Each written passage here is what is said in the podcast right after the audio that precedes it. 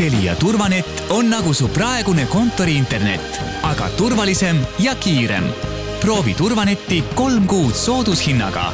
Telia.ee kaldkriips turvanett. ruupor. tere, mina olen ajakirjanik Ainar Ruussaar aasta tagasi küsisin ühiskonnaõpetuse tunnis gümnaasiumi lõpuklassi õpilastelt, kui palavalt saab rahvas armastada oma riigi juhte, et see tunduks usutav. enamus tänaseks kooli lõpetanud noortest arvas et, et seitsmekümneprotsendiline toetus kõlab veel usutavalt. üle selle on juba kahtlane, arvasid noored. või kui, siis saab sellise rahva armastuse, usalduse osaliseks ainult selline poliitik, kes on teinud midagi erakordset, rahvast ühendavat riigid, kes deklareerivad valimisaktiivsuseks üheksakümmend üheksa protsenti ja valivad endale sarnase toetusega juhid, mitte ainult ei näi kahtlased, vaid ka on kahtlased. mitte kunagi, mitte üheski riigis ei käi valimistel kõik selleks voli omavad inimesed. nii nagu ei usalda kõik valimas käinud inimesed jäägitult ja piiritult ühte poliitikut. selliste numbrite puhul on tegemist julma ja häbiväärse võltsinguga, mis muidugi nende valimisvõltsingute taga seisvaid diktaatoreid ei heiduta täna saime me teada, et oma rahvast kodusõjas tappa lasknud Süüria president al-Assad lasi ennast neljandaks ametiajaks tagasi valida. Lääne ajakirjandusväljaanded ennustasid juba enne valimisi ette, et tänaseks kakskümmend üks aastat võimul olnud viiekümne viie aastane Assad jätkab kindlasti riigipeana, kuna tema salateenistused kontrollivad kindlalt valimiste kulgu. nii ka läks.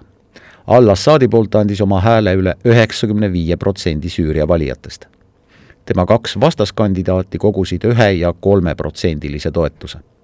tõsi, vägivalla tase Süürias on praegu madalaim alates kodusõja puhkemisest kahe tuhande üheteistkümnendal aastal, kuid riigi majandusel ei lähe sugugi hästi ka eelmistel presidendivalimistel kogus jutumärkides muidugi Assad suurepärase enam kui üheksakümne seitsme protsendilise toetuse kui ta esimest korda presidendiks valiti, muutis seadusandja kiiresti põhiseadust, kuna see nägi ette, et Süüria president peab olema vähemalt neljakümne aastane.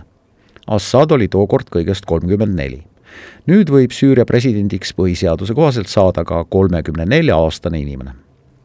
Assad on pika kasvu sportlik mees, ta on telegeeniline, ta on haritud, õppinud Londonis silmaarstiks, oskab inglise ja prantsuse keelt tulles aga tagasi Assaadi hiiglasliku toetuse juurde, on ju võimatu uskuda, et Süüria inimesed on unustanud kahe tuhande üheteistkümnendal aastal alanud kodusõja, mille tõttu ujutas Türgi ja mõned lõunapoolsed Euroopa riigid üle põgenike laine ning mis nõudis ÜRO hinnangul vähemalt kahesaja kahekümne tuhande inimese elu. jah, te kuulsite õigesti, vähemalt kahesaja kahekümne tuhande inimese elu. esimesena tõttas Assaadi võitu palavalt õnnitlema tema liitlane Venemaa võib arvata, et südames sealne president Vladimir Putin isegi kadestab Assadi. Putin tahaks ju isegi nautida üheksakümne viie protsendilist toetust.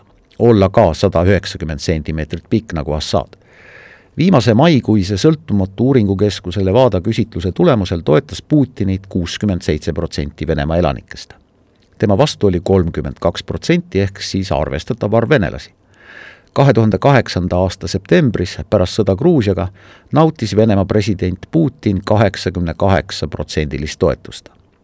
sarnane oli tema populaarsus ka pärast Krimmi okupeerimist. aga Venemaa riigipea saab ennast lohutada teadmisega, et ta saab jääda presidendiks kuni kahe tuhande kolmekümne kuuenda aastani. võrdluseks Eesti viimased küsitlused näitavad, et kõige armastatumate siinsete poliitikute populaarsus on kahekümne viie protsendi kandis ruupor